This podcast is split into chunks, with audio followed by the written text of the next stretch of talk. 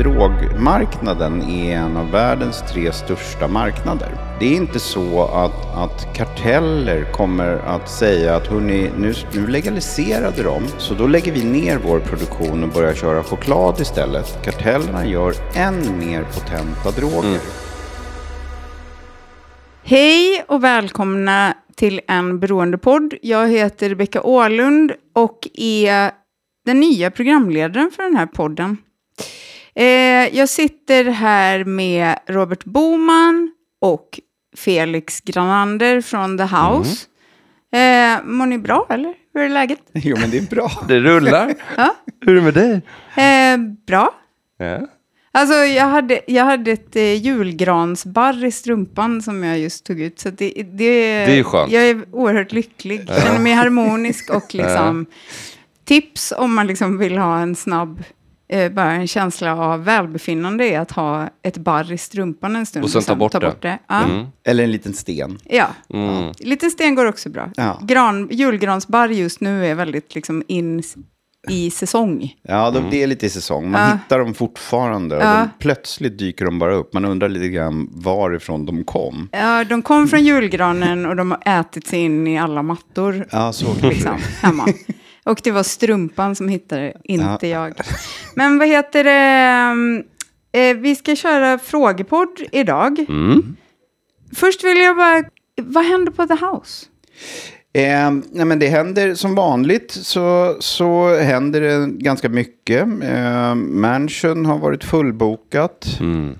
Eh, är det för att det är efter jul? Det är alltid högsäsong. Alltid vid, kring eh, högtider, högtider så, så brukar det vara ett ganska hårt tryck. Eh, så att januari blev fullbokat och eh, nu likadant då inför februari. Så att så ser det ofta ut kring högtider. Eh, men sen håller vi på och utvecklar fler ben. Eh, mm. Och ett av dem är företagssidan där vi precis har, har eh, inlett samarbeten med, med en stor reklambyrå. Det ska bli väldigt roligt att gå ut med. Det ska bli jättekul att gå ut med. Det är ju en liten nyhet. Ja, och det är ju också... Ska alla på reklambyrån bli nyktra? Ja. Nej, det ska inte bli. Det hade varit ett ganska roligt projekt faktiskt. Mm.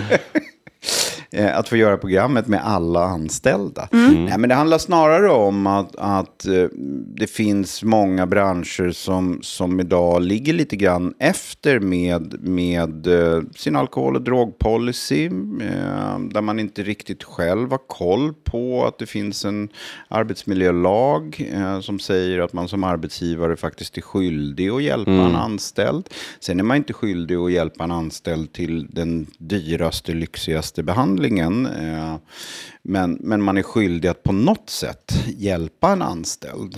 Man är skyldig att hjälpa men det kan också vara en väldigt liksom, jobbig känsla av att också komma till sin arbetsgivare eller HR-person eller ansvarig chef och liksom berätta om sin problematik när man faktiskt behöver hjälp. Och där tycker jag verkligen att vi utgör och verkligen kommer utgöra en stor hjälp. Då man liksom kan ringa in till oss. Vi kommer inte då gå till arbetsgivaren utan vi kommer vara med under den processen, hjälpa till i kommunikationen så att man som anställd alltid känner, ja ah, men grymt, jag kan ringa dem här och sen löser vi resten tillsammans. Företaget har alltså fått ett eget telefonnummer eh, där de anställda kan ringa eh, utan att deras arbetsgivare vet om det initialt. För det är ju inte säkert att man vill det, som, som Felix mm. säger. Mm. Så att det är en, en, en slags hotline helt enkelt. Eh, mm. Som vi har bemannad fram till 22 varje kväll. Eh, Så det är kul. Mm. Tillfrisknandet sover aldrig. Gör ju inte det. Väldigt Nej. sällan i alla fall. Sjukdomen sover ju aldrig. Nej, det är korrekt. Men i tillfrisknande får man sova. Och, och sover bättre. ja.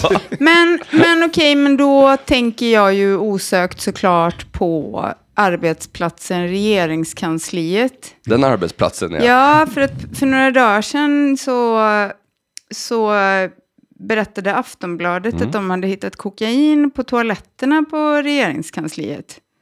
Vad blev tänker ni om det? det blev ju en liten skandal. Ja. Och en hel del olika rubriker. Om jag ska bara prata om mitt personliga. Vi på House riktar oss ju mot högpresterande. Mm. Eller? Och arbete, vi ser ju att alla som är i högpresterande arbeten där är väldigt, väldigt intensivt. bara det är ju en riskfaktor för bruk och för missbruk och beroende. Så att det skulle finnas kokain på toaletterna på en arbetsplats som riksdagen, där det verkligen betyder många sena nätter, extremt intensivt arbete. Jag kan tänka mig en väldigt mycket oro, för vad som helst kan ju gå snett i de processerna och allting. Så är det, är inte otippat. Nej, för att jag tänker på det som, det som man liksom ofta pratar om i samband med beroendesjukdomen, att den är demokratisk i så mån att den drabbar alla samhällsskikt och liksom typer av människor och. Mm. Spelar ingen Eh. roll vad du arbetar med eller hur mycket pengar du har. Nej. eller hur lite precis. pengar du har egentligen. Utan det är, Ställning i samhället. precis som du säger, det är en demokratisk sjukdom. Eh, mig förvånade det inte alls. Eh, det är klart att det blir en stor nyhet, men, men att det inte skulle finnas kokain där är, vore snarare konstigt. Därför Ja. att kokain finns överallt idag i Sverige. Men är det så? Alltså, för jag tyckte ändå att det var... Jag fattar ju att det är en liksom juicy nyhet Ja, att det ta är det upp. absolut.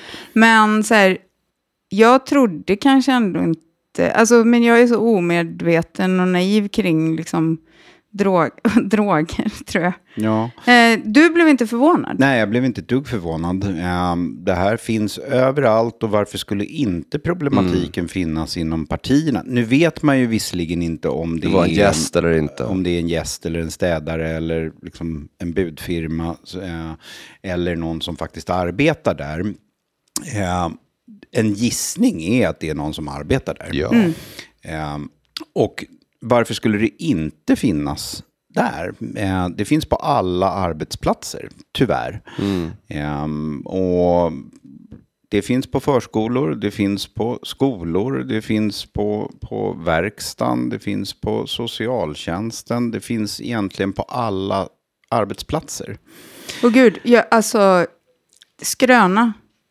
Men jag träffade en gång en, en person på ett tolvstegsmöte som berättade att hen var kirurg Mm. och hade vaknat upp ur en blackout med en öppen patient framför sig. Alltså förstår ni, mitt i en operation. Eh, då blev jag chockad. Mm. Det var ett eh, uppvaknande för den personen, men det var ju Och det är ju så en bizarr händelse. Det är så bruk ser ut idag. Alltså, det är ju precis som Robert säger, exakt överallt.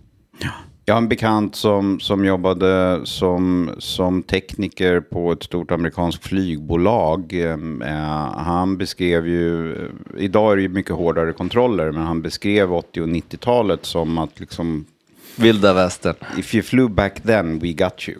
Eh, alltså alla knarkade, menade han på i princip, både piloter och tekniker. Och Vad bra. Stanna på marken, inte bara för klimatet. Eller hur? Idag är det nog ganska svårt för, för en pilot att, att klara sig undan kontroll, men det finns där också. Mm.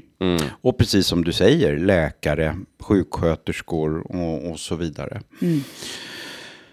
Så återigen, jag är inte förvånad. Eh, vi vi eh, har faktiskt skickat brev till kansliet eh, och till samtliga partier. Eh, där vi också beskriver sjukdomen som just en demokratisk sjukdom. Vi har inte fått något svar än, Intressant. men det var ganska nyligen. Så vi, får väl, vi får väl se vad det landar.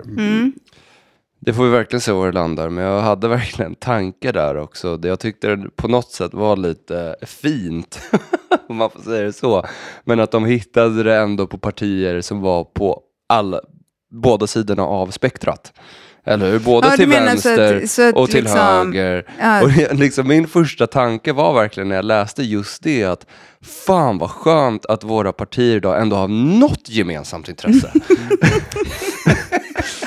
Att de liksom... ehm, De enas om någonting. ja, eller att de kanske så här, eh, kan finna någon sorts liksom, gemensam medelväg. Ja.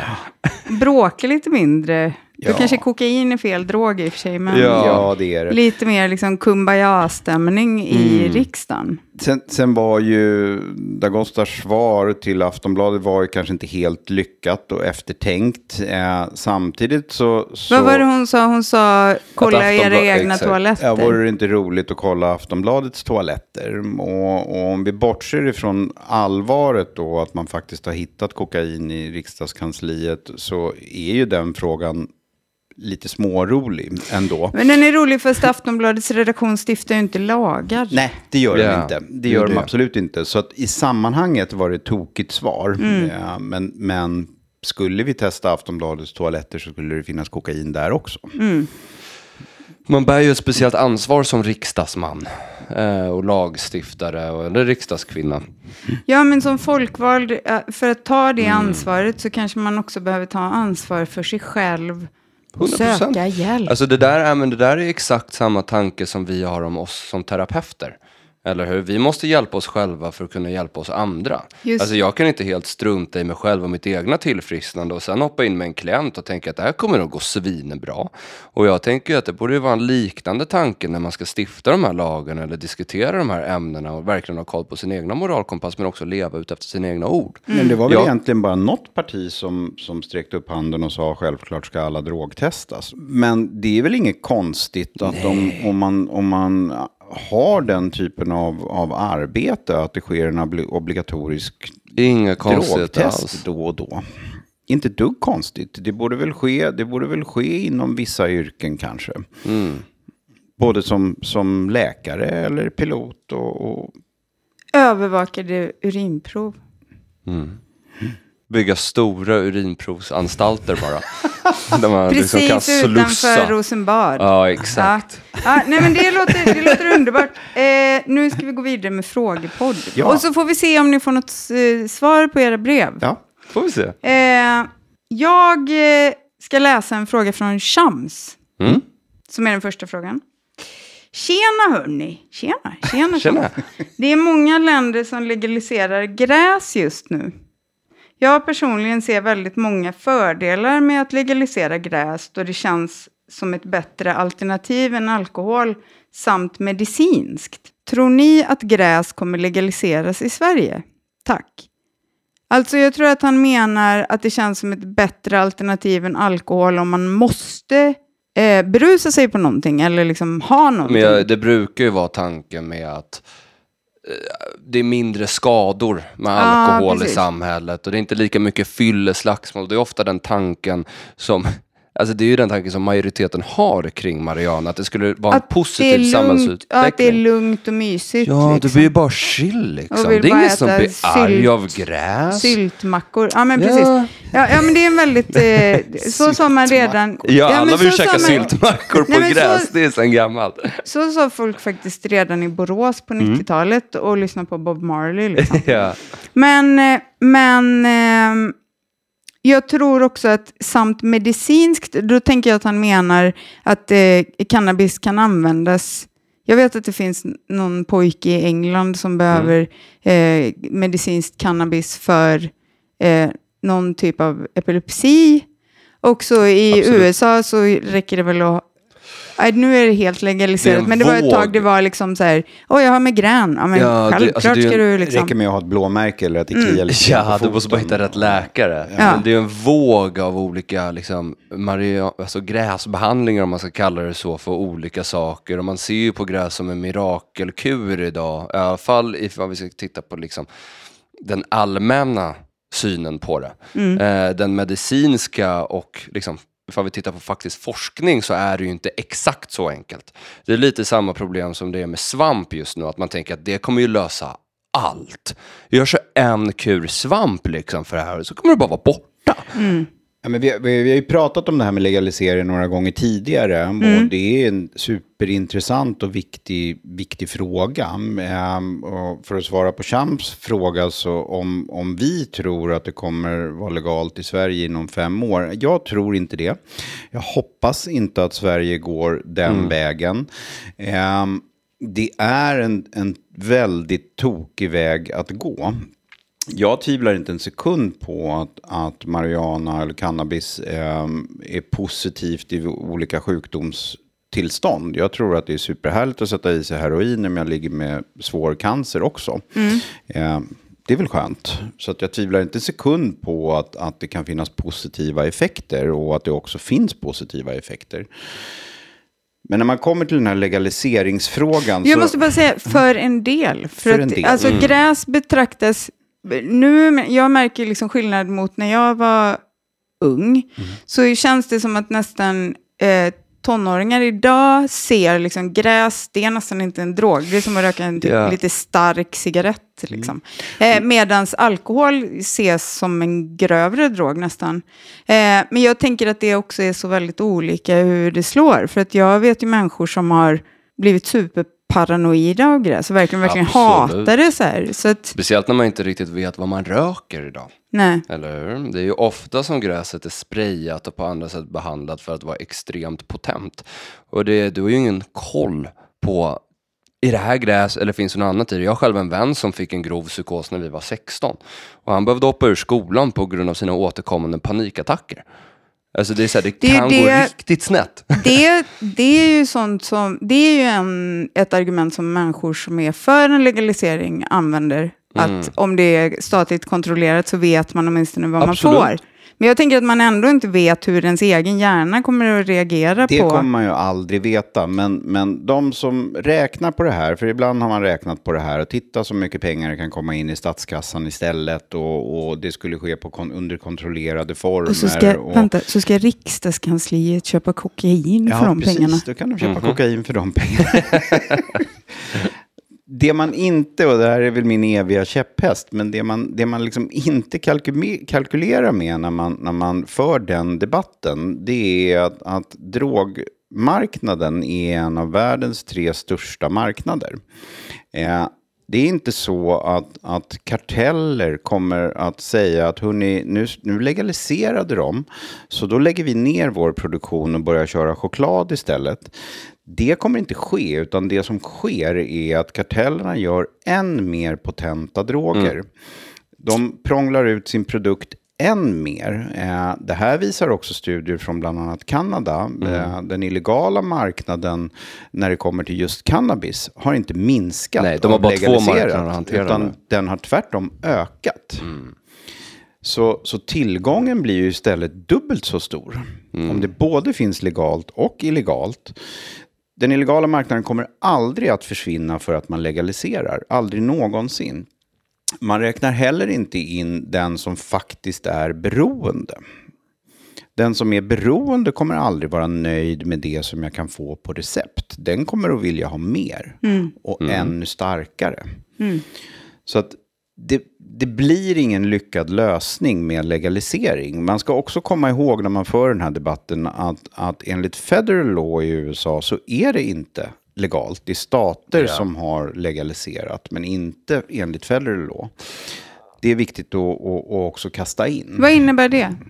Det innebär att staterna har tagit egna beslut ehm, om, om att legalisera, men det ställer till en massa problem i och med att, att federal law inte... Alltså federal är hela USA. Mm. Ja. Eller Det är the central government. Ja, men det vet jag. Men, Mm. men betyder alltså... till att- exempel att det är en kontanthantering. ehm, vilket, gör, vilket gör organiserad brottslighet väldigt svår att följa. Eh, i, I och med att även då den legala eh, hanteringen behöver vara kontanthantering. Eh, sen behöver man titta på många andra aspekter också. Och till exempel miljön.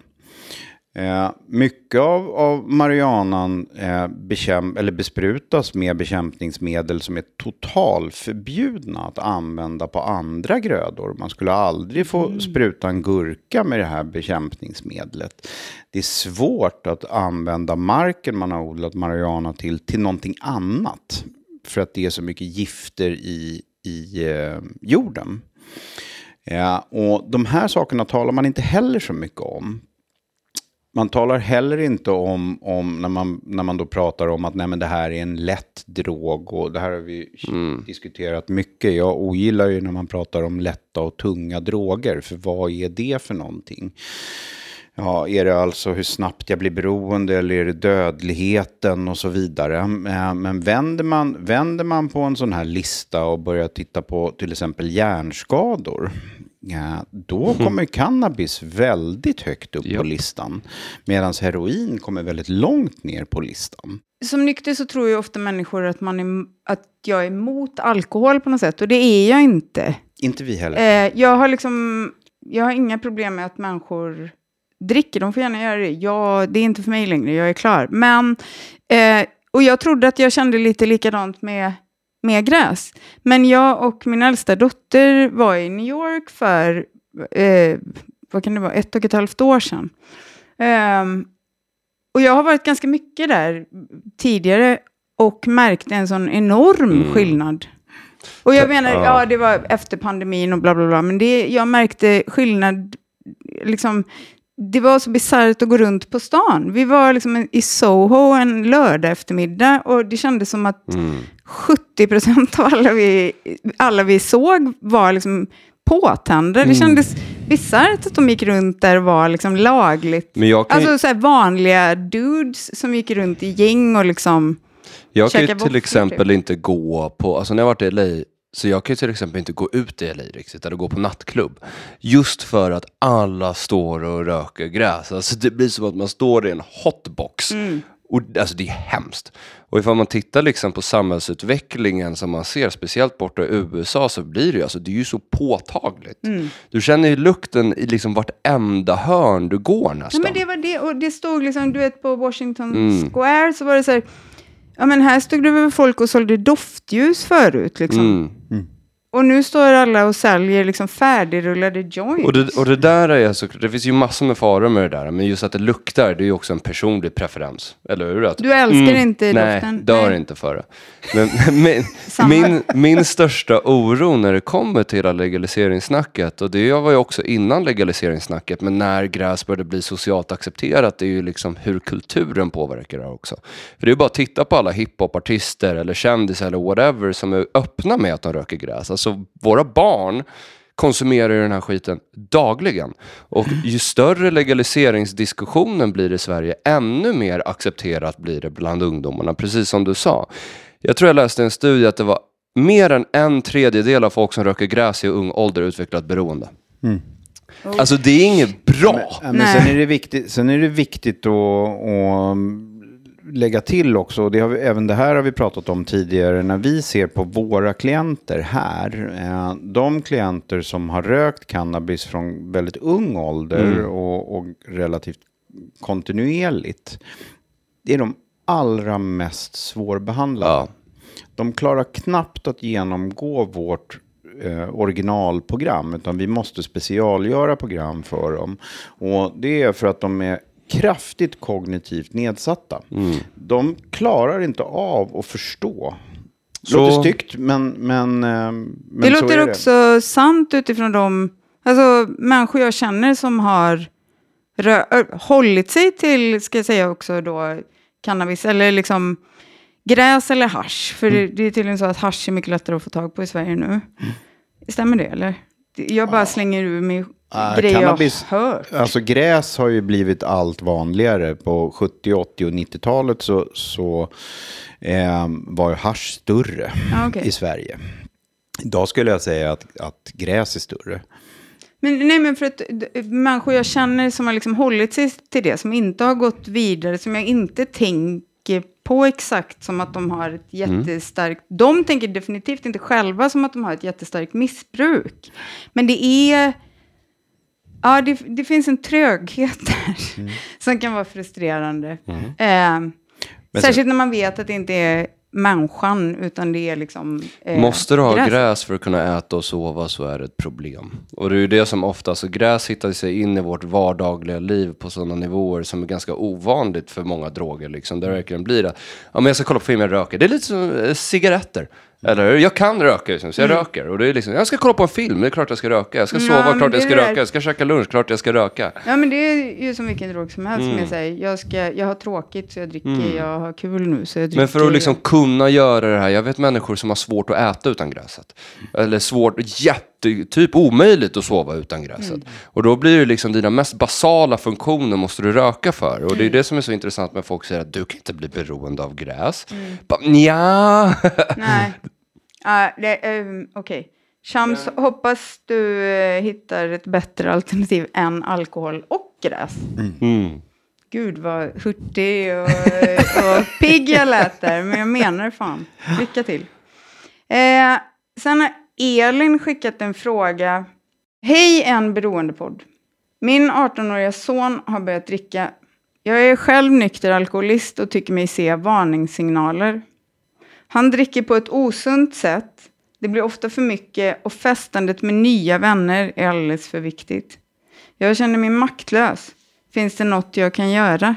En eh, fin fråga. Ja, knäckande också. Ja, lite knäckande. Ehm, hon är själv nykter. Det som, det som inte riktigt framgår av, av ehm, brevet är om hon har talat med sin son om det. Om han vet om att hon är nykter. Ehm, eller varför hon är nykter. Och gud, det förutsätter jag bara för att jag pratar med mina barn om allt. Ja, men det är faktiskt inte alla Nej. som, som vågar prata om det. Eh, och här är det ju viktigt att prata med sina barn och förklara sjukdomen. Eh, och förklara även de, de eventuella genetiska konsekvenserna. Alltså det har man kommit fram till idag, att, att den här sjukdomen är genetiskt överförbar. Eh, det betyder inte att, att alla våra barn kommer få den här sjukdomen. Men våra barn löper lite högre risk. Och det behöver vi prata med barnen om från ganska ung ålder. Att jag har den här sjukdomen, det betyder att du löper lite högre risk. Vi behöver vara försiktig med alkohol. Och Hur, hur ung ålder skulle du säga? När det blir liksom aktuellt att kanske testa att dricka eller tidigare än så? Jag tror att det beror, det beror lite grann på, tror jag, hur, hur eh, barnet är i, i sociala situationer egentligen. Jag pratade med mina barn ganska tidigt. Ehm, och, men då pratade vi också utifrån en allergi. Jag beskrev för barnen när, när de var väldigt små att jag var allergisk. Det, det kom upp under en middag att ett av barnen, jag tror att han var fyra fem år då, pappa varför tar inte du en bärs? Sa han Ja, bärs? han sa bärs. Liksom. Och Precis, ja, men på det där sättet som en fyra femåring kan uttrycka sig. liksom. För vi hade någon middag hemma och gästerna drack, drack eh, alkohol. Ja, men jag är allergisk. Och jaha, vad bra, sa han. Och utifrån det så... så Sa han att det var bra? Ja. Okej. Han tyckte att det var bra.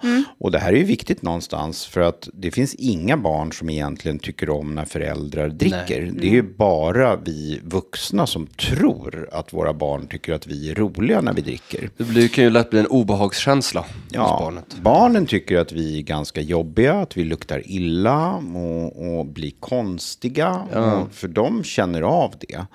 Så inga barn tycker om när vuxna dricker överhuvudtaget. Men tillbaka till frågan. Eh, att börja prata med barnen ganska tidigt om att, att jag har den här problematiken. Eh, det betyder att du löper större risk eh, och att man är försiktig helt enkelt. Det som, det som mina barn landade i, de kom ju också hem för fulla, nat- naturligtvis höll jag på att säga. Men, men det hör väl liksom tonåren till, tänker jag, om att, att det där ska ske någon gång. Men Alltså, har, jag måste bara flika in här. För mig gjorde det aldrig det. nej, Jag, liksom, jag skötte det där. Jag blev aldrig för full förrän jag... Jag tror att jag, första gången jag blev för full var jag typ så här 22. ja, Nej, men du vet, alltså... Så att jag liksom mm, inte minns saker och sånt. Jag tror att jag var så, jag var försiktig för att jag var rädd för alkohol. Och sen så kom jag över den rädslan. Men, men så här att det, jag tror att det hade med min farsa att göra, att han var alkoholist och att jag var just Lite rädd. Jag, avskräckande. ja, men jag tyckte att det var, han blev ju annorlunda när han När han var drack. påverkad såklart. Och eh, det var väldigt skrämmande såklart för barn, för det är det ju. Men nej, jag skulle bara säga att det jag vet inte om man idag kan riktigt ändå förutsätta att alla ska ha den där Det är klart man inte kan, men, men många ungdomar Ja, dricker ju någon gång i början eh, och innan de fyller 18 år. Och därför så tror jag att det här samtalet när de är relativt unga är viktigt att ha. Mm. Eh, och vilka konsekvenser det kan få. Men det där är ju också Och- ett samtal som man kan ha idag. Ja, Ifall man inte haft självklart. Ja, självklart så kan man ha det idag. Eh, och det låter ju som att de behöver ha det om de inte har haft det. Eh, vad ska hon göra annars? Nej, men det handlar, för det är ju det frågan handlar om. Vad ska jag göra kring det här? Jag, skulle säga att försöka prata med sonen och tala om vad hon ser för någonting. Eh, och här, även här så tror jag att det är viktigt att, att liksom faktiskt berätta om sig själv. Ja, använda lite egna erfarenheter. känner igen mig själv och, och i dina beteenden och hur du liksom, vad du har för relation till alkohol och det gör mig orolig. Och så här kände jag. Och, och, så att man faktiskt använder sig själv. Även här är många föräldrar ganska dåliga på att, att eh, göra det. Ehm, jag har träffat många barn som, som uttrycker sig, eller barn, ungdomar, eh, tonåringar och äldre än så, som uttrycker sig som att ja, men jag är helt säker på att mamma och pappa också har tagit knark någon gång, liksom, men de har aldrig sagt det, liksom, och jag är helt säker på det. Det här har till och med varit bekanta till mig där jag har liksom vänt mig till, till mina vänner och sagt så här, hörni, vad fan, varför springer ni omkring och låtsas som att ni inte har gjort det- De vet ju det. Nej, men liksom. det har jag faktiskt tänkt på. För att jag, jag, för mina barn, de var ju små, eller små, men de var ganska små när jag blev nykter. Och då försökte jag förklara så gott det gick. Och liksom, nu, ska jag, nu måste jag sluta. För jag sa inte allergi, det hade varit väldigt smart. Men, men det var liksom så här, jag har druckit för mycket vin, nu kan jag inte dricka vin längre. För att jag, det är liksom, jag blir sjuk, jag, blir, jag blir kass. Nu, nu ska jag sluta med det. Och jag ska gå på de här mötena och bla bla bla. Eh, och sen så kände jag ibland så här, men herregud, det var ju mitt jävla problem, varför, varför la jag det på dem? Och jag tänker att, att berätta för liksom, vadå, en 14-åring att jag, nej, men jag tog kokain när jag var så här gammal, eller du vet, eller i helgen om det var så, liksom, att det på något sätt okejar.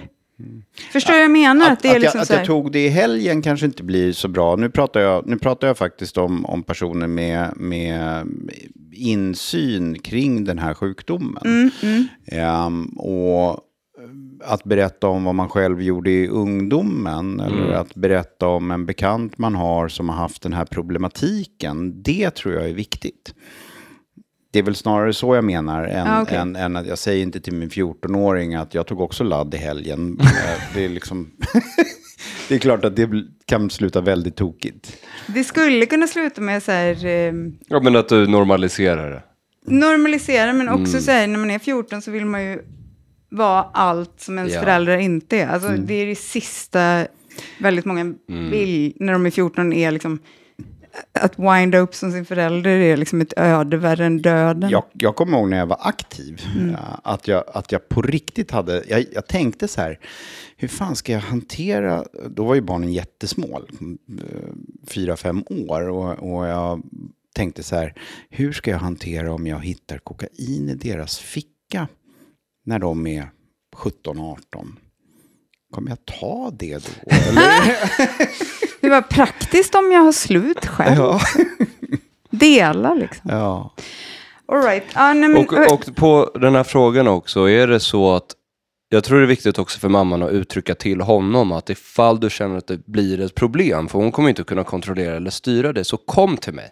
Mm. Eller Precis så. prata med mig, be mig om hjälp så kommer jag också hjälpa dig att komma rätt. Mm. Eller hur? Så att man inte känner när man väl sitter där, ifall det är så att den här pojken faktiskt utvecklar ett beroende, att man inte sitter själv i det. Eller känner att man måste skämmas inför mamma, eller nu har jag misslyckats, eller vad det än kan Jag vara. gömma det inför Mm. mamma. Ja, jag tänker, Elin, vi hade behövt lite mer liksom, Lite fakta. mer information, Li- ja. Lite mer info om situationen. Men Ett, prata med sonen och Prata säg, med sonen. säg ärligt vad du ser. Precis, och bygga upp ett förtroende. Eh, Är inte ett sätt att... Alltså, eller jag tänker att det förtroendet börjar med att om hon inte har gjort det, det vet vi inte, men om hon inte har berättat, så här, jag är nykter alkoholist. Mm. Så och det är en det. ärftlig Absolut. sjukdom. Liksom. Det, Men förtroendet är jätteviktigt, att han känner att det finns en brygga här som jag kan gå över. Liksom. ja, och jag tänker att det förtroendet börjar Exakt. där. Liksom, där hon berättar, alltså hon gör sig på något sätt, eh, hon är ärlig. När Då min, kommer när han min kunna vara ärlig yngsta kanske. son eh, hade varit med om sin första fylla som han tog tidigare än alla andra barnen. eh, så eh, på mor- vi, vi fick hämta honom och på morgonen efter så mm, eh, var han ju väldigt skrajsen naturligtvis. Och det han gjorde var att innan han gick ner till oss så ringde han faktiskt sin storebror. Och, och sa så här att det, det gick åt pipan igår. Eh, de fick hämta mig. Vad ska jag göra? Och storebror, mellanbrorsan då svarade att säg bara precis som det är så blir de inte arga. Vilket otroligt bra svar. Mm. Jag vill ju hoppas att det handlar om att vi hade byggt upp det förtroendet hos barnen. Att säg bara som det är. Så, s- så är det inget problem. Då löser vi det tillsammans istället. Jag gjorde en, ni vet sådär när man ska ha snack med sina barn om saker. Nu började, mina barn började fråga om typ hur barn blir till så tidigt att jag liksom fick berätta en version som de nästan liksom... Den äldsta bara gick från bordet och, och den andra så här, kollade på mig. För jag hade förklarat liksom, om ägglossning och mens och allting. Och hon kollade på mig och bara... Jag tror hon var kanske fyra år. Hon kollade på mig och bara... Så du har alltså blöja? men, vad heter, men vad heter det? Att man... Pappa För jag frön gjorde- är ett ba- bra ord. Vad sa du? Pappa frön är ett bra ord. Ja, men, nej, stackars Felix. Han, liksom, Han behöver lära sig. Ja. Ja. nej, men, eh, Vad sa du, pappa frö? nej, men ehm, jag gjorde, för att det, det är liksom någonstans en väldigt, det, saker som är svåra att prata om blir ofta styltiga. Liksom. Man själv som, även om man själv är en vuxen och förstår att det här måste jag ta upp för jag är orolig för det här, eh, så kan det vara svårt på massa sätt. Jag gjorde liksom på nyårsafton, för båda mina barn skulle iväg på varsin fest. Och då gjorde jag, jag tog liksom, jag omfamnade styltigheten. Eh, och det kändes väldigt bra efteråt. Jag, vet, in, jag har inte fått några recensioner av dem, men jag gick liksom in till deras rum där de satt med kompisar och sådär. Och så sa jag så här, eh, nu ska vi prata om alkohol och droger. och så sa de så här, okej. Och så sa jag så här, eh, ta inga droger och om någon, liksom, och drick inte för mycket. Och om ni gör det, så ta hand om varann. Och om ni är på en fest där någon annan, jag sa faktiskt tjej, för båda mina barn är tjejer, så sa jag så här, eh, och om det är någon annan tjej på festen som ni inte känner som dricker för mycket, så måste ni ta hand om henne. Eh, och jag kände mig styltig och, och fånig. Och som att de skulle kunna skämmas jättemycket över mig. Men samtidigt som att jag, jag kände mig ansvarsfull också faktiskt. Jag tror att ett sätt att liksom prata, att närma sig sina eh, barn, eller liksom egentligen vem som helst som man behöver ha en jobbig konversation med. Eller känslig eller så. Det är att eh, omfamna just den styltigheten. Att man kan erkänna att det här känns jättefånigt eller dumt. Eller, du vet, och jag misstänker, alltså att inte vara liksom, Nej. misstänksam. Eller att, det kanske Elin kan ha nytta av också. Att så här, du, det här, jag vet att du är myndig, du får göra vad du vill. Mm. Men, och det här känns superknasigt att prata om så här. Och jag Men vet inte bra. vad jag ska säga, men så här, nu säger jag det bara och så, och så Ja. gör jag det. Det tror jag absolut är rätt sätt. Men sen finns det ju också andra aspekter i det här som vi inte har berört nu i det här svaret. Och det är ju hur blev, hur blev sonen påverkad av hennes drickande?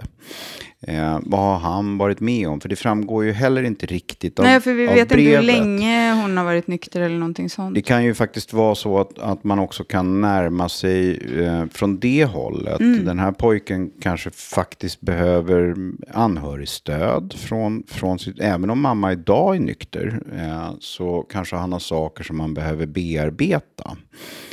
Och, eller trauma. Mm. Eh, I den här världen så kallar vi det för att man är ett vuxet barn. Alltså vuxit upp med en förälder som, som har haft en beroendeproblematik eller på något sätt dys, i en dysfunktionell familjerelation. Tack så mycket. Nu tänker jag eh, kapa hela frågepodden och ställa en egen fråga. Bara Ja. för att jag är... Spännande. Ja, precis. eh, nej, jag, jag är... ehm, jag tänker på så här, olika substanser och att det...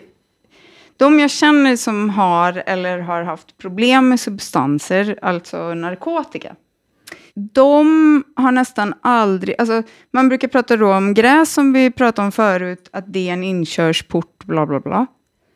Men jag tänker att alkohol verkar vara en inkörsport. Mm. Därför att det är väldigt sällan som jag ser folk börja med någon... Alltså jag ser ju aldrig liksom någon använda droger, men det jag undrar är, har ni i era arbeten som beroendeterapeuter eh, någonsin sett någon som till exempel är kokainist och slu lyckas sluta med kokain, men ändå kan fortsätta dricka? Eller blir det automatiskt så att man liksom alla substanser är liksom samma? Det är en jättebra fråga och som de flesta skulle jag säga av våra klienter också kommer med. Eh, men det är ju det här som är min problematik. Varför ska jag sluta med det där? Eh, och vi säger ju egentligen aldrig till någon klient att de ska sluta med allting för alltid. Utan vi utgår alltid ifrån klientens egna önskemål. Eller egna mål egentligen. Eh, och säger heller aldrig att någon ska sluta för alltid, utan vi sätter upp kortare mål. Vi tar inte långa beslut i andra sammanhang. Ingen av oss bestämde oss för att vi skulle ha på oss de här klänningarna för resten av vårt liv, eh, utan det var just idag som vi skulle ha dem. Vi tog ett kort beslut. Idag känner jag för det här. Och så behöver man se även på, på den här problematiken. Jag tar kortare beslut. Men, men till din fråga då. Våra kroppar gör ingen skillnad på vilken substans vi sätter i oss. Om det är en legal substans eller om det är en illegal substans. Våra kroppar kommer att reagera oavsett om det är en, en huvuddrog eller en drog som vi aldrig någonsin tidigare ens har, har provat. Så kommer våra kroppar reagera fysiskt. Eh, och här ser det lite olika ut naturligtvis. Vissa, för vissa som, som börjar med en annan substans eller en annan drog parallellt eller inte slutar med alkohol så, så kanske alkohol blir en ny huvuddrog. För andra så, så blir det en väg tillbaka till min huvuddrog. Det ser väldigt olika ut helt enkelt. Men för att svara på din fråga, eh, nu babblar jag bara på här. Felix. Ja, för att svara på din fråga så måste jag ändå vara ärlig och säga att under de här 23 åren som jag har varit i den här världen, eh, i tillfrisknande och sedan 2007 professionellt, så har jag inte träffat en enda person som har kunnat börja dricka socialt igen eller använda en substans socialt igen. Det har sett lite olika ut. Eh, För vissa så har de varit tillbaka på sjukhus efter ett dygn. För andra har det tagit några år att vara tillbaka på sin huvuddrog. eh, Eller en annan substans. Vara tillbaka på samma nivå egentligen. Det här beror ju på jättemycket på ens egna liksom, målbild också. Jag tror det är väldigt lätt, liksom, både i självhjälpsgrupper och som terapeut, om man arbetar som det, att ha en egen bild över vilket typ av liv klienten ska ha. Eller hur? För vissa väljer till exempel, för kokain har varit ens huvud, och det är väldigt många som torrladdar. Eller hur? Du bara köttar ladd, men du dricker ingenting. Vad är det? Torrladdar är... Du Ah, kör okej. kokain bara, Okej. alltså endast. Det är ingen alkohol, ingenting i det förutom kokain. Och jag tror att för väldigt många så ser de nog i början att det är en livsförbättring. Visst att jag dricker, men jag använder inte kokain liksom. Om man nu har den förmågan. För att alkohol brukar ju typ alltid leda till att man ja, det drar ett verkar streck. liksom vara att, att att- man mm. modererar alkohol och sen så Mm. råkar det bli att man ändå tar återfall i... Exakt. Och det här är ju lite samma som för alkoholisten som kanske har druckit sju dagar i veckan. Men den individen ser det som en förbättring när den bara dricker två dagar i veckan. Eller hur? Eller bara en gång i månaden. Och det är lite samma sak för någon som har kört kokain. Det kanske går åt helvete en gång i månaden. För den är det asbra. Eller hur? Så här är det precis som Robert sa i början, att vi arbetar ut efter klientens målbild, tror jag. Och om jag ska säga vad jag tror, tror jag att man någonsin kommer kunna hitta tillbaka till en normal relation? Nej. Det händer liksom inte. Men det handlar också, vilket liv är good enough för dig då? Om man Men du, är det det du just beskrev? Så här, ja, jag drack 30 dagar i månaden förut, nu dricker jag eh, två. Mm. Är, det, är det det som kallas harm reduction?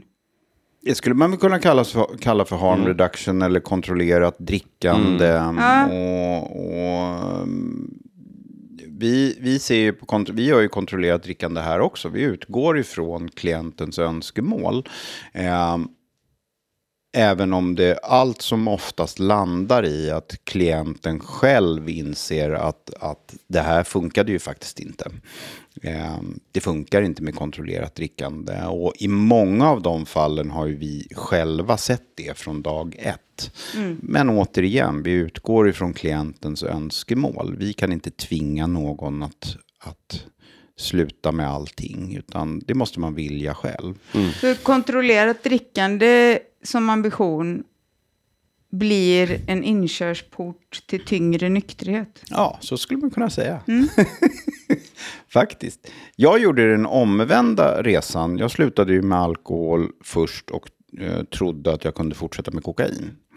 Ehm, och så här i efterhand så inser jag ju själv att det var ju bara en liksom hittepå lösning. Men där och då så, så trodde jag ju det, på det någonstans. Liksom, att, att ja, men det är alkoholen som ställer till det och det är ju också det som min hustru liksom märker. För hon kände ju inte ens till kokainet på den tiden. Ja, så jag checkade faktiskt in på rehab och, och eh, valde att sluta med alkoholen. Men ljög om kokainet. Och eh, tyckte ju att det här var världens bästa lösning initialt. Sen gick det ju extremt fort för mig att bli spritt språngande galen. När jag inte hade någonting som dämpade kokainet. Tack! Tack! Det var, det var ett eh, uttömmande och mycket intressant svar på min fråga. Ehm, Hörrni, det här var vårt andra avsnitt. ja, det var andra avsnittet. Får jag vara kvar? Ja, du får vara kvar. Ja, vad kul. Vill tack. du vara kvar? Ja, jag, eh, jag tror det. Ja. Ja, det är skönt. Jag, ska, jag har en sak som jag har börjat med i nykterheten är att alltid sova på saken en natt. Mm. Så jag ska sova på saken, men jag tror det. ja. Eh, men då ska vi runda av. Har ni någonting mer som ni vill säga som jag inte har gett plats för? Nej, förutom att vi ska berätta vart man kan höra av sig. Ja, Ja. det är det jag tänkte. Så Robert, vad gör man om man nu har frågor om beroende, liksom sin egen situation? Man kanske har en fråga till podden, Ja. eller en fråga om varför Robert går runt i kjol ibland. Ja, precis. Det kan man också fråga. Man kan fråga precis vad man Vad vill. gör man då? Frågor till podden, de skriver man helst på vår Instagram så att de Mm. blir samlade där och så att vi också inte missar dem. Eh, Att en beroendepodd precis. på Instagram. Ja.